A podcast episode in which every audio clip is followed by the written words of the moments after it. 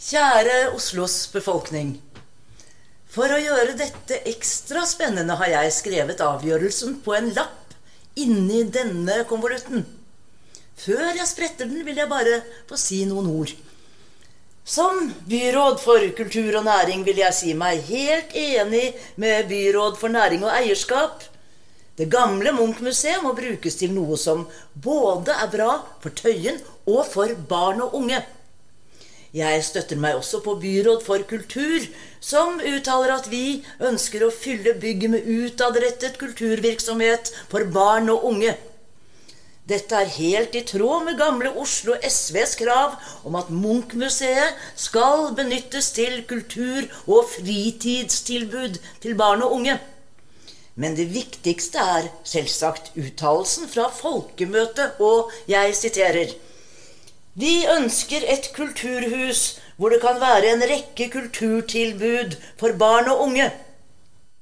Og nå er dere spente, tenker jeg. Det som skal skje med det gamle Munch-museet, er Det skal selges til høystbydende.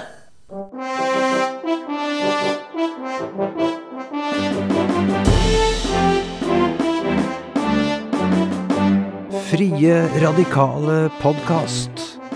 Juniutgaven. Hovedtema barn og unge, barn og unge.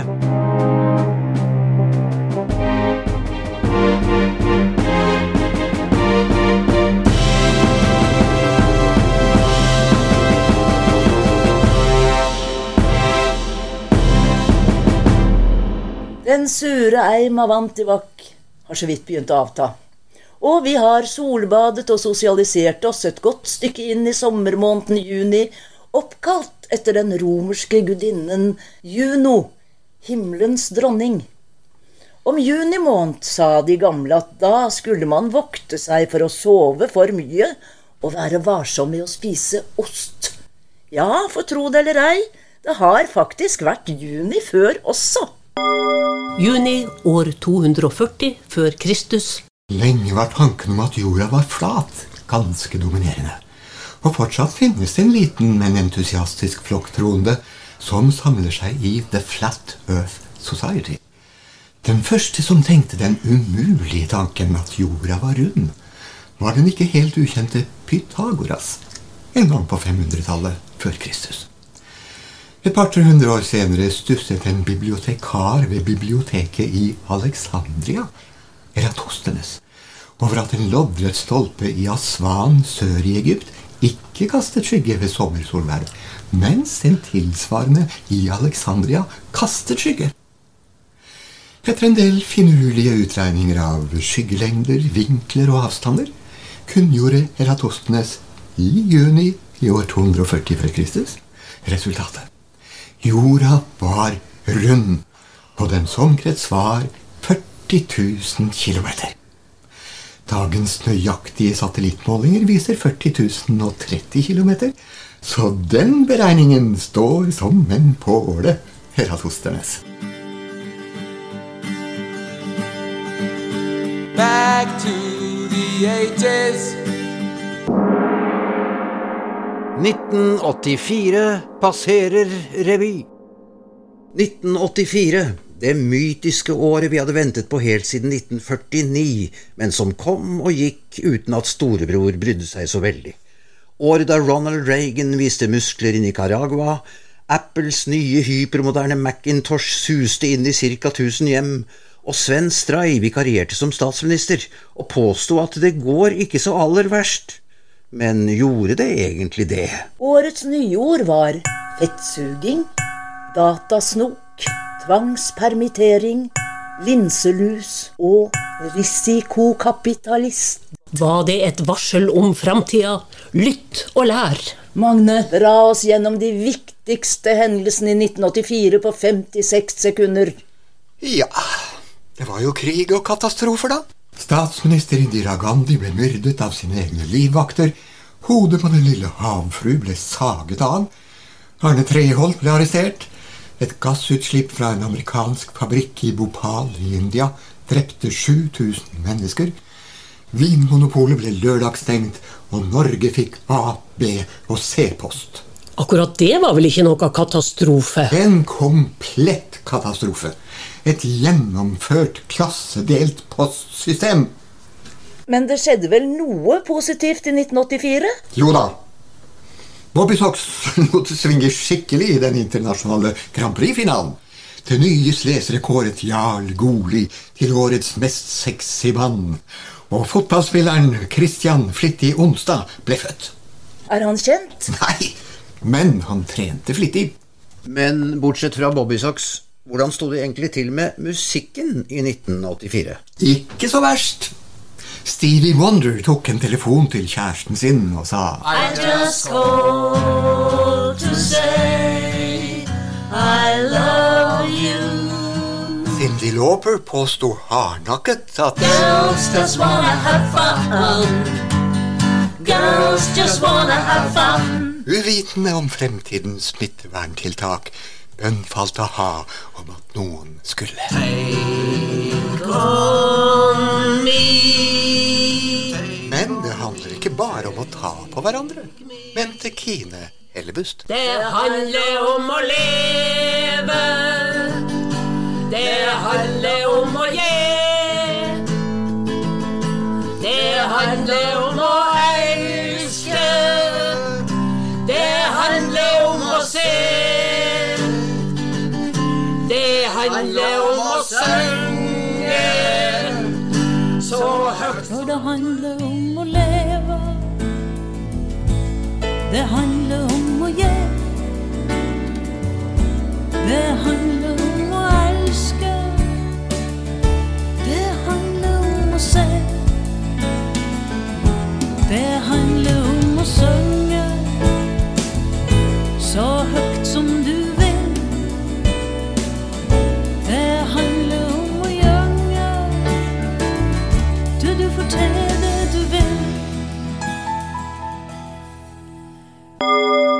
Juni 1523. Vi har lagt enda en nedskalert 17. mai-feiring bak oss. Og i juni er det de blågules tur. Mange kaller fortsatt dagen, som ble innstiftet av Gustav Vasa 6. juni 1523, svenska flaggans dag. Men dagen ble oppgradert til nasjonaldag i 1983, med enda en eskalering i 2005 til offentlig fridag. Muligens med et lønnlig håp om at folk da spontant ville storme ut i gatene med hornmusikk og bunader, GB iskrem og svenske flagg. Slik gikk det jo ikke. Svenskene oppførte seg som folk flest som får en fridag ekstra. De slappet av med en utepils og en jordgubbe. Skjønt fridag ekstra. Som det flittige folkeferd svenskene er, tok de fridagen fra andre pinsedag og opprettholdt dermed balansen i nasjonalbudsjettet. Men det går tross alt fremover. En meningsmåling i Aftonbladet for en tid tilbake slo fast at 17,2 går inn for at fire har mer eller mindre, mens hele 56,5% vet i alle fall at det er nasjonaldag i dag. Grattis, søta bror. Digge lo, digge lei, digge leverpostei, digge syltetøy og servelat. Gulost og brunost, det er mandagsmat.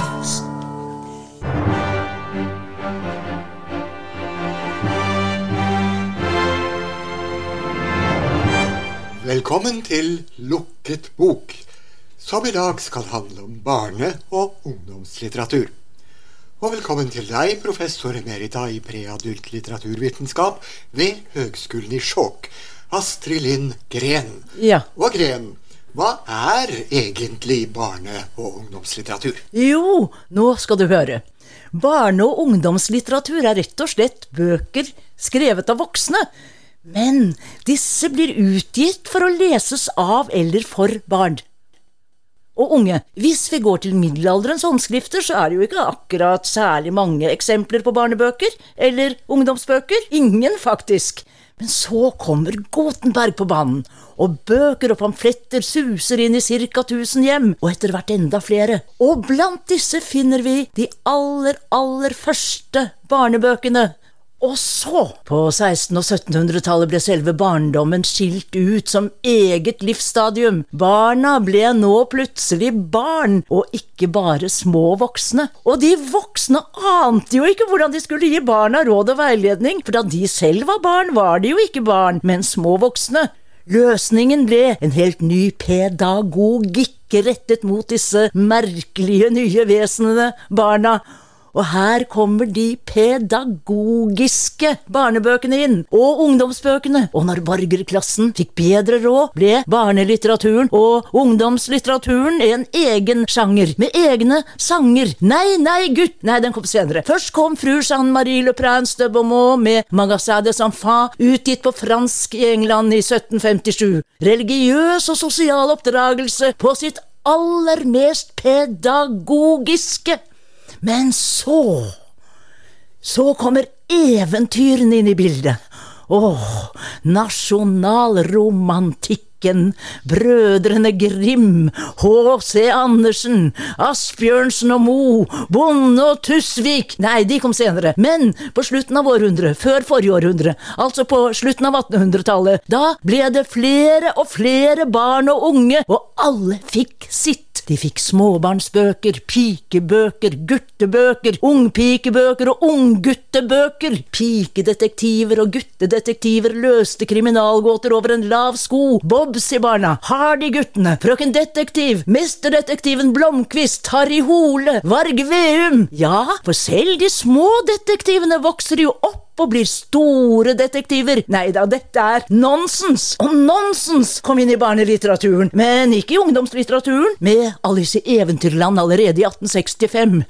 Den var jo ikke særlig pedagogisk, for å si det mildt, men barna elsket den, og denne dikotomien, denne todelingen mellom bøker som oppdrar og bøker som tøyser og tuller, har preget barnebøkene og ungdomsbøkene helt siden den gang. Skal barna bli gangens mennesker, eller skal de få tulle og tøyse langt inn i alderdommen, leke seg med podkaster langt inn i 70-årsalderen? Vil vi det?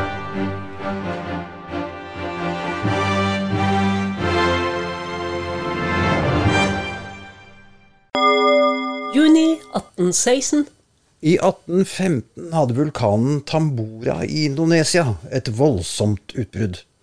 Askeskyen herfra la seg over hele kloden, så 1816 ble året uten sommer. Avlingene sviktet, og ridehestene døde av sult. For å bøte på dette patenterte i juni 1816 herr baron von Dree et fremkomstmiddel som de hesteløse herrene kunne ri på. Denne tohjulingen ble en så stor suksess at en rekke byer etter hvert forbød dette farlige nymotens fartsvidundere, som herrene dessuten satte fra seg overalt. Lyder det kjent? Uansett, sykkelen var kommet for å bli. To gamle menn som leker seg med podkast langt inn i 70-årsalderen. Late som de er tollfunksjonærer i hørespillet 1212% toll. Du, Knott, Ja, tall? hvor mye toll skal vi ha på skatolknott? Kanskje tolv-tall? 12% toll på skatolknott? Ja, tolv er passe tolv-tall. Ja, det er godt, Knott. Men du, tolv, Ja, Knott? det sitter en knott på deg, tolv. Hvor da, Knott? Midt i knollen, tolv. Ta knotten i knollen, Knott! Åh, du er en knupp, Knott. Men der er det flere knotthold. Hvor mange knott da, Knott? Minst tolv knotthold. Ta alle tolv knott! Åh, det er godt, Knott. Å, jeg er så lei av knott-tolv. Ja, det burde vært tolv på knott, Knott. Ja, minst 12% knottetolv, tolv. 100% Knott. 1212 tolv-tolv.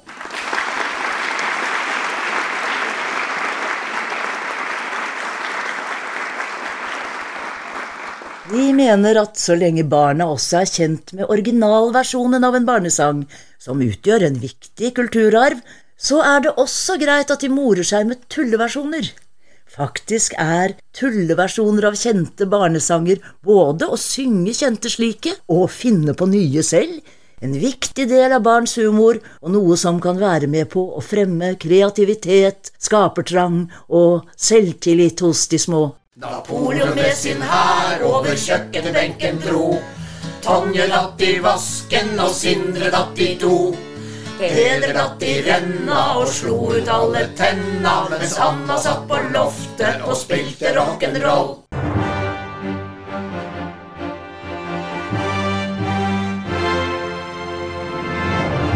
Velkommen til Politisk kvarter på tre og et halvt minutt. Temaet i dag er barn, og vi har fått storfint besøk i studio. Først vil jeg gjerne spørre deg, Aristoteles, hvordan var antikkens syn på barn? I vårt Hellas av i dag, som programlederen av uforståelige grunner kaller antikken, eh, har vi et mangefasettert syn på barn. Og barn er også svært forskjellige. Gudebarna for eksempel er ekstremt intelligente og velutviklede. Vidundergudebarnet Hermes fant opp lyren før han kunne gå. Herakles drepte to slanger med bare hendene i vuggen. Og Athene ble født fullt bevæpnet med uniform og hjelm og det hele. Men selv er jeg mer opptatt av menneskebarna. Barnet kan ikke velge, det er ergo ikke noe rasjonelt vesen. Dets innebygde hensikt er å bli voksen. Før det eksisterer det bare som en mulighet, en potensialitet. Det merkes at vi har en filosof i studio som kanskje ikke er helt vant med å snakke så barn og unge forstår det, men jeg introduserer vår andre gjest, den tidlige middelalderens kirkefader Augustin. Hva har du å si til Aristoteles' syn på barn? Tidlig middelalder. Jeg er da blitt en meget gammel mann på snart 50 år. Eh, Nå vel. Aristoteles hevder at barn er en slags tabula rasa. Det er et forkastelig og gudsbespottende syn. Jeg minner om at barnet blir født med et skrik, ikke med et smil. Barn er født av synd og i synd, og dets eneste håp er dåpen. Med all respekt om barnet skriker eller ikke når det blir født, er det et høyst irrelevant og uvitenskapelig argument. Min viten er fra Gud og kan ikke diskuteres. Klar tale der. Så klar at selv barn og unge kan henge med. Men vår tredje gjest, Pelagius, du levde jo samtidig med Augustin. Du er munk og kristen og mener at eh, Augustins viten slett ikke er fra Gud, og i høyeste grad kan diskuteres. Levde? Forstår ikke. Eh, Men ja, jeg mener at mennesket har en fri vilje, gitt av Gud. Påstanden om barnets arvesynd strider mot den frie vilje, og dermed mot Gud. Nyfødte barn er jo i samme stilling som Adam før hans syndefall. Barnet er således å regne som uskyldsrent. Unnskyld meg, men nå går det over stokk og stein her. Man kan si hva man vil om Sevs, Ja. men, men hans synspunkter er ikke ufeilbarlige og kan i høyeste grad diskuteres. For øvrig er jeg enig med Pelagius. Barnet er i utgangspunktet uten skyld og uten kunnskap, og oppdragelsen blir dermed en meget viktig samfunnsoppgave. Jesus selv sa, sannelig, jeg sier dere, uten at dere vender om og blir som barn, kommer dere ikke inn i himmelriket. Men det står vitterlig i Bibelen at jeg, Herren din Gud, er en nidkjær Gud, som hjemsøker fedrenes misgjerninger på barn inntil tredje og fjerde ledd. Annen Mosebok 20. kapittel 5. vers. Arvesynden kan ikke diskuteres. Kan ikke diskuteres. Nei. Hvorfor er vi her da? Et godt spørsmål fra Aristoteles der, som barn og unge kan tenke litt på mellom TikTok og Snapchat. Men våre tilmålte 3 minutter og 30 sekunder er snart ute, og vi kan vel konstatere at debattantene ikke er enige om synet på barndommen. Barndommen, hva er det? Aldri hørt om. Er det en slags dom over barn? Barn kan da ikke dømmes. Barndommen, hva er det?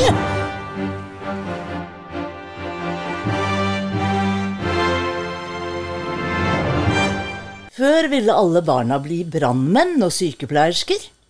Nå vil de bli Netflix-stjerner, influensere og youtubere. Og det må de gjerne bli.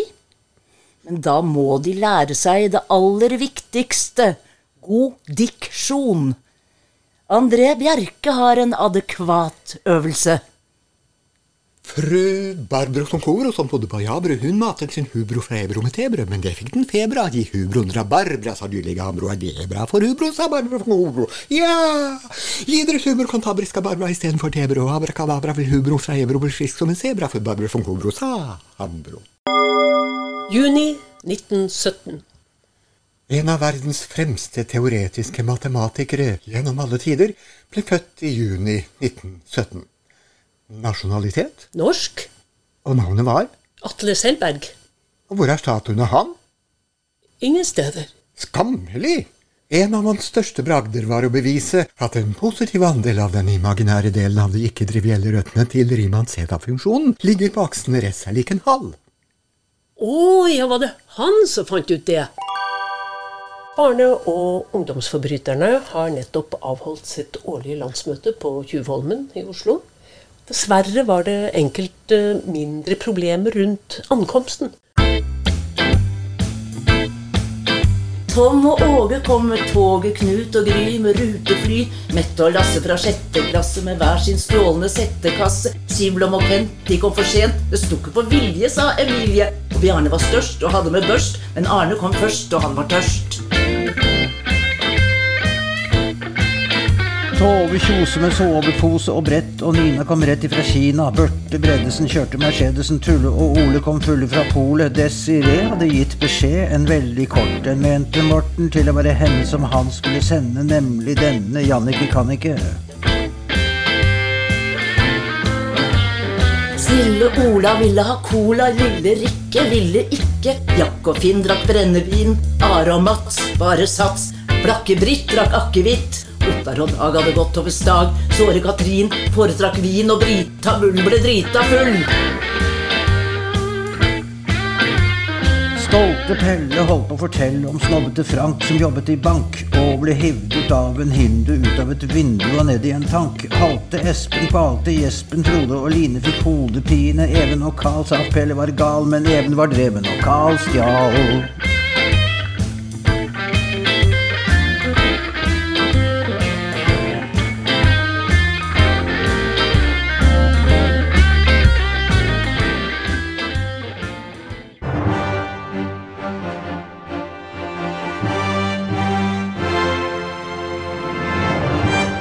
Til spalten Politisk politikk.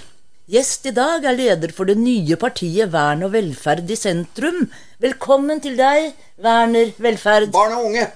Hva behager? Partiet heter Vern og velferd i sentrum, barn og unge. Altså okay. at barn og unge står i parentes, Ja. akkurat som AKP XL sto i Ja. parentes. Vi, vi, vi har planer om å innrette en ungdomsklubb i kjelleren på Sentrum kino. Den skal hete Parentes. Og der skal det stå masse barn og unge inni og protestere på at de ikke har stemmerett. Hyle! Nettopp. Eh, Men nå skal det dreie seg om forsvarspolitikk. Ja, barn og unge. Vi har nettopp hørt at eh, amerikanerne skal flytte inn på norske militære baser på Rygge og på Sola. Kan vi føle oss tryggere av den grunn? Eller gjør det at vi tvert imot blir mer utsatt? Barn og unge. Hva De fleste du? som tjenestegjør både i her og i, i, i, der, er barn og unge. Det må vi ikke glemme. Nå er det vel ingen barnesoldater verken i den amerikanske Jeg sa ikke barnesoldater, jeg sa barn og unge. Soldatene går inn i kategorien og unge. Ja. Eh, De de er ikke bare soldater. De er først og fremst mennesker som har lidd og kjedet seg under koronaen. Dette må vi ikke glemme. Da går vi over til kommunalpolitikk. Tvangssammenslåtte kommuner skal få lov til å skille seg dersom flertallet av innbyggerne der bestemmer det, men gjelder det også dersom den folkerikeste kommunen i et ellers folkefattig strøk ikke blir med på skilsmissen? Nå må jeg si at jeg blir mektig provosert. Jaha? Av hva da? Av at noe så likegyldig og totalt uinteressant og kjedelig som kommunesammenslåing blir pyntet med en metafor som skilsmisse. Ja. Er du klar over at bare de siste 20 årene har ikke mindre enn 360 000 barn og unge i Norge opplevd at familiene deres rakner med alt hva det innebærer av dop og snus, psykoser og tannregulering, selvskading og billig sjokolade. Og, og, og, og så kommer koronaen i tillegg. Ja, apropos korona. Eh, Regningen for pandemien har nådd oss. 200 000 står i kø for å få ny jobb, mens andre står i kø for å få lov til å kjøpe nye biler, hus og båter. Forskjellene øker. Bør vi være bekymret? Barn og unge krever reelle forhold, og det gjelder også uh, alle vi andre. Ja. Eh, vi, vi, vet du hvordan vi skal vinne valget? Vi skal, si, vi skal si barn og unge så mange ganger at de andre partiene ikke har sjans. Barn og unge, barn og unge, barn og unge, barn og unge, barn og unge, barn og unge, barn og unge. Ja, hvis det Bent Høie sier det også mange ganger. Barn og unge. Men, men han mener det ikke. Vet du hva de sier barne- og ungdomsorganisasjonen vår? Bent Høie er en papegøye. Ja vel. Tina Men Bru er ei ku. De holder på med en om statsministeren også, men den er ikke helt ferdig. Den foreløpige lyder Erna Solberg er ikke stort bedre enn Martin Kolberg. Ja. Bæ, lille lam kjørte folkevogn. Folkevogna krasja, lille lammet bæsja. Bæ, bæ, lille lam kjørte folkevogn.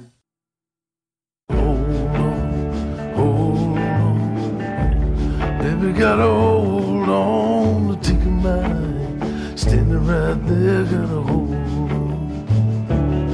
You gotta hold on. Barn, jeg heter Miriam. Jeg er naboen din, og jeg har et tilbud til deg.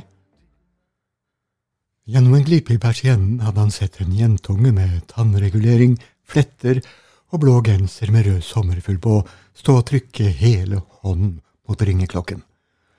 Nå satt hun på vedkassa. Jeg har vært der inne mange ganger, da huset sto tomt. På loftet står det en sveivegrammofon, men jeg mangler sveiv, eller har du rydda bort? Sier du det, ja?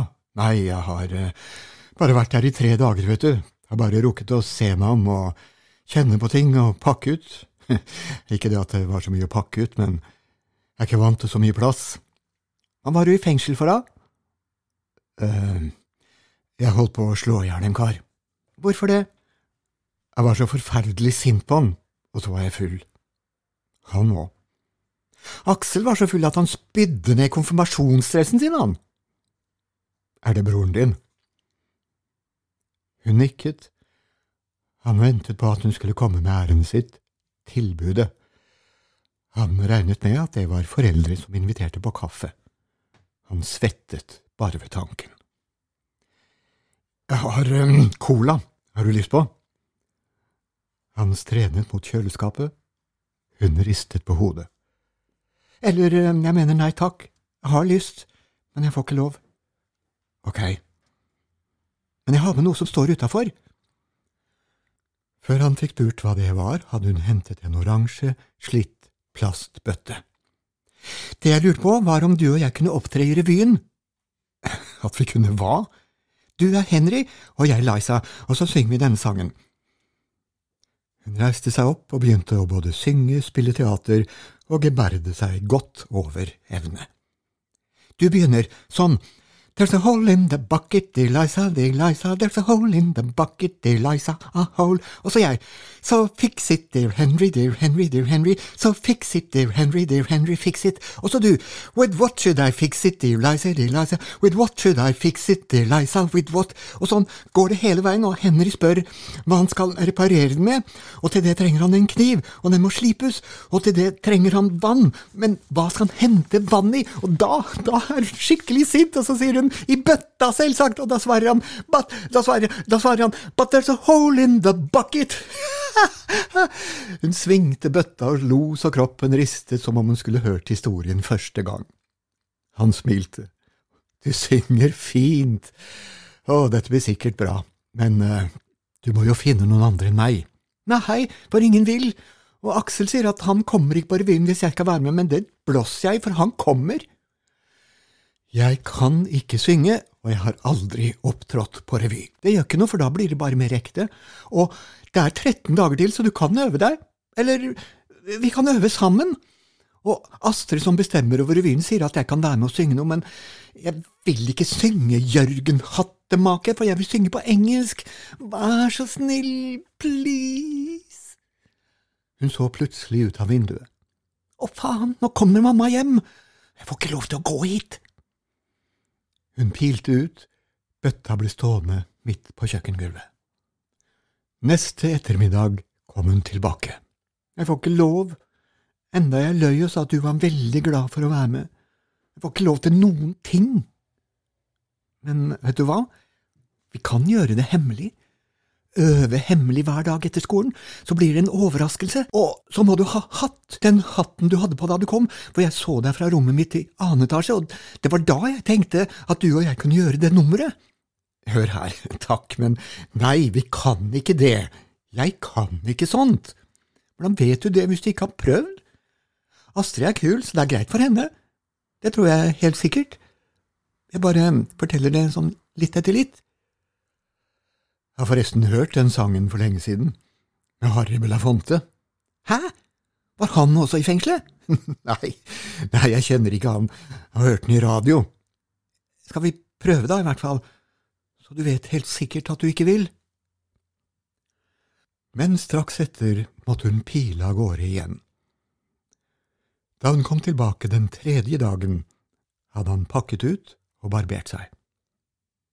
Se her, sa han og viste frem en gammel sinkbøtte. Den fant jeg i kjelleren. Hurra! Nei, det er hull inni jo!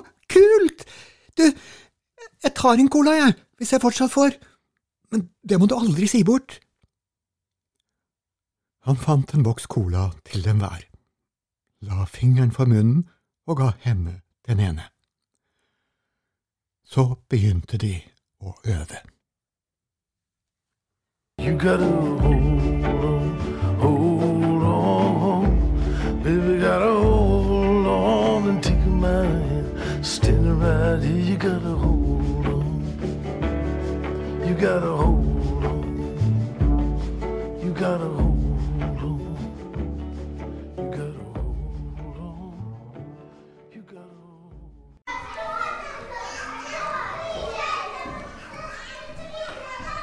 Unger, kom hit!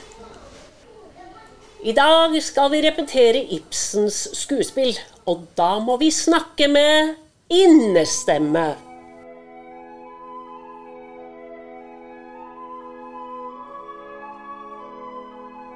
Ibsen SFO. Du først, Billy. Hva vil du vise oss i dag? Gjett hvem jeg er nå. Pang! Jeg er død. Byggmester Solstikk. Han heter Solnes, Arne, og datt ned fra taket. Ja, Da sa de i alle fall pang da han landet. Jeg tror jeg fløyde, jeg òg. Han fikk kikken i hodet og juknet med pang. Dina, han drukna. Husker du ikke noen ting om han Ibsen? Ja, ja vel. Ibsen hadde livsbuskel, og så skrev han et stykke som heter Blommenholm. Det vet jeg, for der bor vi. Jeg husker eh, det var han som skrev at eh, de døde våkner, og, og etterpå spilte de ludo. Du blander, Billy, for han het Hedda Gabriel og var gjenganger. Og det var Ibsen som skrev Katilima, som gikk på lim, ikke sant, Cato? Ikke lim, Dina. Det er skrevet på rim og heter Katilina. Hun var keiserinne i Russland og het Katilina den store. Hun var kjempestor. Jeg har sett henne, jeg. Det var det første stykket som Lipsen skrev for så lenge siden, da alt het Arsenikken. Det heter Antikken, Dina. Arsenikken er noe man drikker. Og Hedvig skjøt seg på loftet sammen med lille Anna, som var søsteren hennes, og hadde fjell på seg. Fjell? Ja, Sånn man bruker når man skal fly. Jeg har også flydd. Hva slags skuespiller Ibsen liker du best? Arne, en folkefiende, eller Herman i Legoland. Jeg liker best Klokanis. Hva du liker best av Ibsen? Å, eh, jeg syns fluen fra havet er innmari fin, eller kanskje et skulkehjem. Enn du da, Cato, hva du liker best? Folk og røvere i Kardemommeby. Hæ? Ja, med de tre skurkene Kasper som Jesper på Jonathan.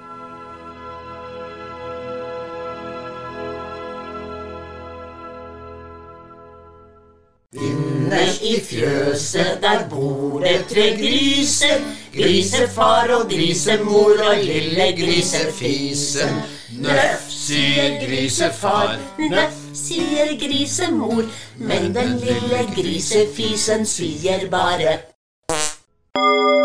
Juni 1865.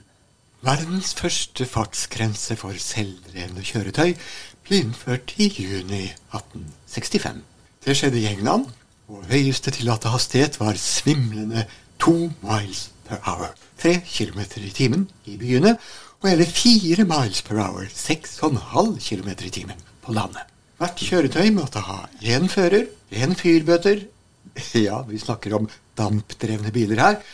Og en person som gikk minst 55 meter foran og viftet med et rødt flagg. Disse fartsgrensene gjaldt helt til 1896. Da feiret man den nye, berusende høye maksimumshastigheten på 12 miles per hour, 19 km i timen, med et billøp fra London til Brighton, denne gang uten forutgående flaggviftere. Dette løpet går fortsatt hvert år, men nå har nyere biler også lov å være med. Så nye som fra 1904 kan de faktisk være.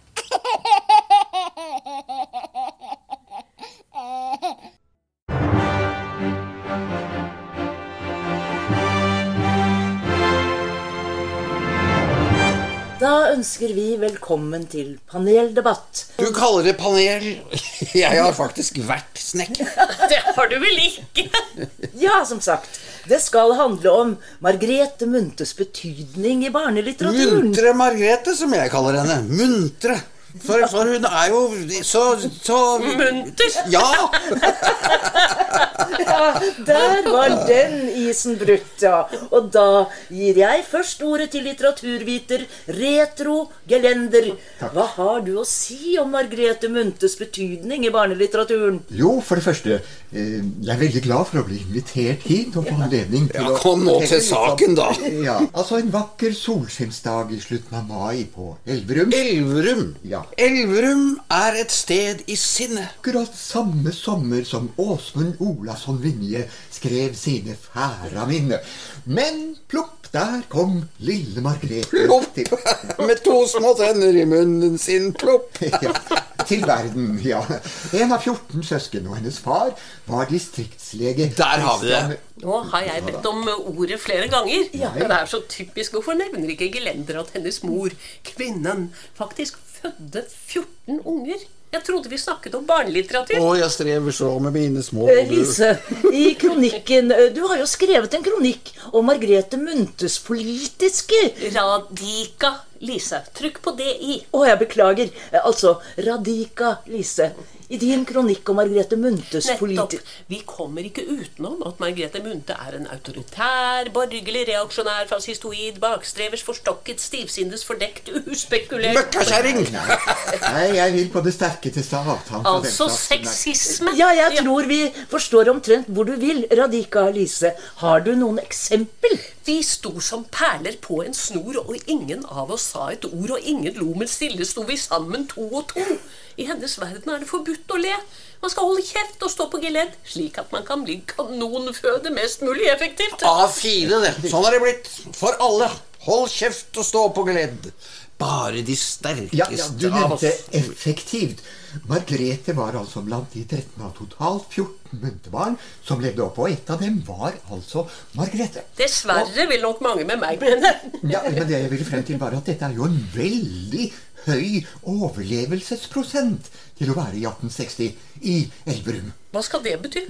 Elverum eller ikke Elverum? Det er jo ikke viktig her. Fascismen, derimot. Elverum er et sted i sinnet. Det, det er det viktigste. Og selve grunnen til den høye overlevelsesprosenten var at hennes far var distriktslege. Leger får gratis sprit på resept, og dermed lever de lenger. Hva er som er så spesielt med det? Ja, som, som forfatter uh, har jo du Ja, ja, ja. Nettopp. Eh, Så vidt jeg har forstått, har du gått i dialog med Margrethe Munthe. Dialog, dialog det, det var ikke noen dialog. Vi møttes, kan du si, på et, på et eh, åndelig nivå. Åndelig nivå! Og det er et så lavt åndelig nivå at ingen her noen gang når dit. Og når man så hallo, når man så tar i betraktning at familien Munthes husjomfru var Laura Katrine Bjølstad, som senere skulle bli mor til maleren Edvard Grieg. ordstyre. Jeg må få replikk. Dette er et eksempel på tilslørende språk. Husjomfru som blir mor.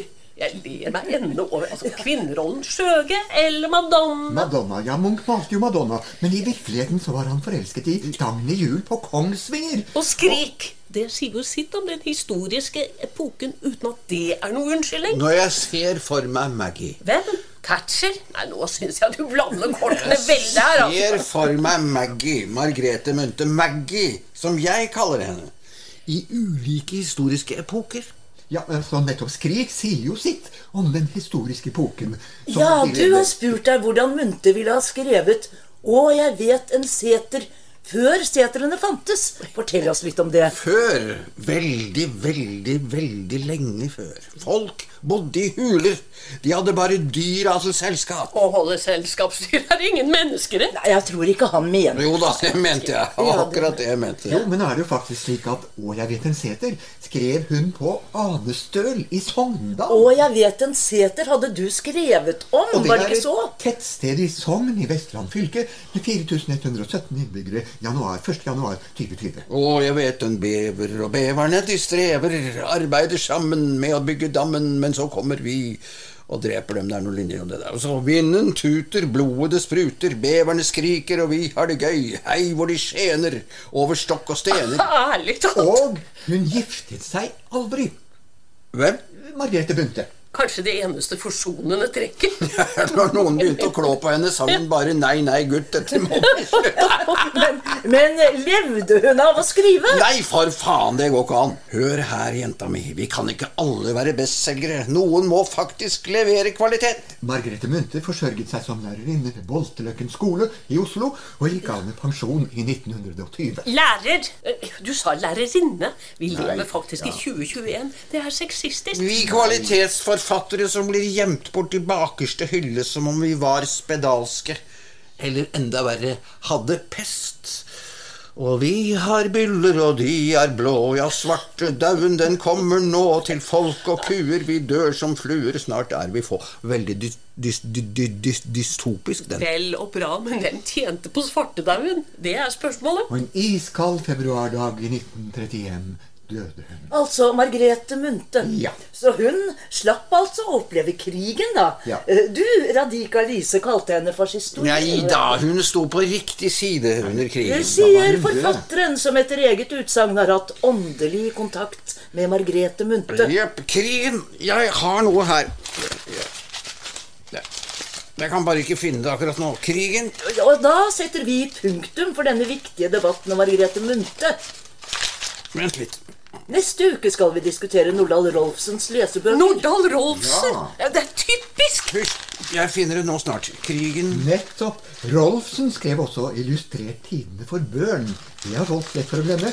Folk burde i det hele tatt tenke litt mer på Nordahl Rolfsen. Og dermed sier vi takk for i kveld.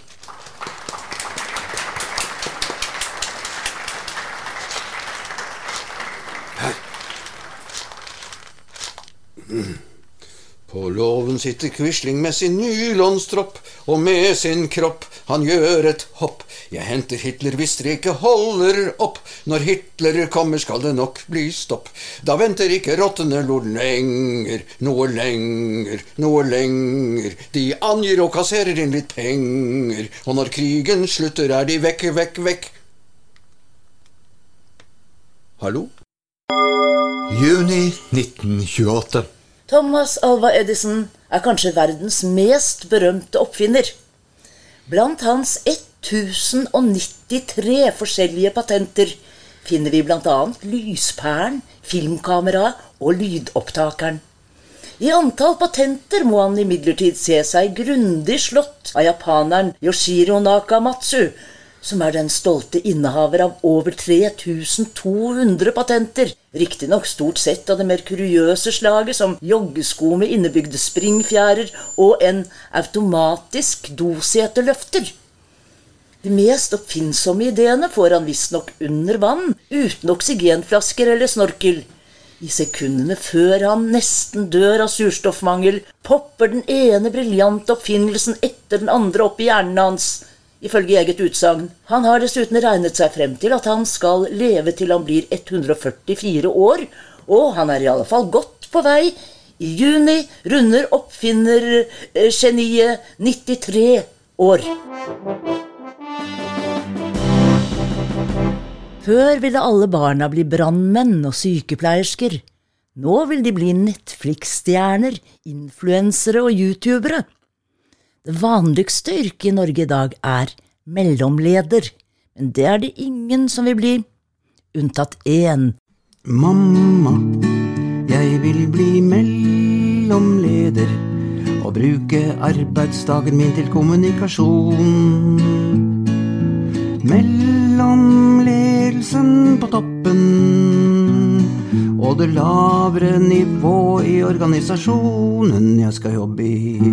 Mamma, jeg vil bli mellomleder og ha som ansvar å implementere strategi.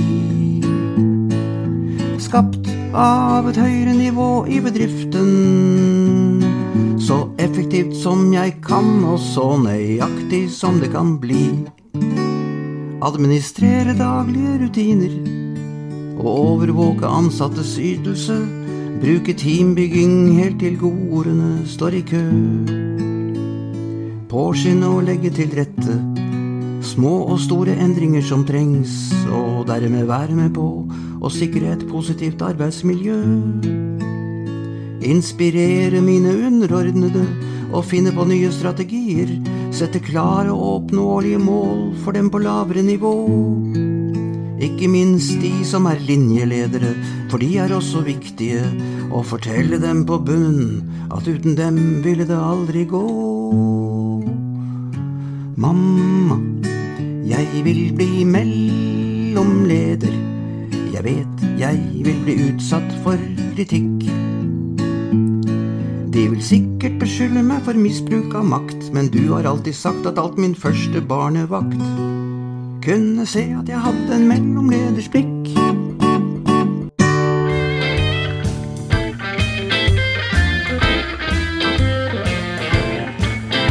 Du har hørt Frie Radikales podkast Juni-utgaven med Magne Bruteig, Kine Ellebust, Terje Nordby og Liv Åkvik. Musikalsk støttekontakt og hjelpemann Bård Skift. Økonomisk støttekontakt Norsk kulturråd og Fritt Ord.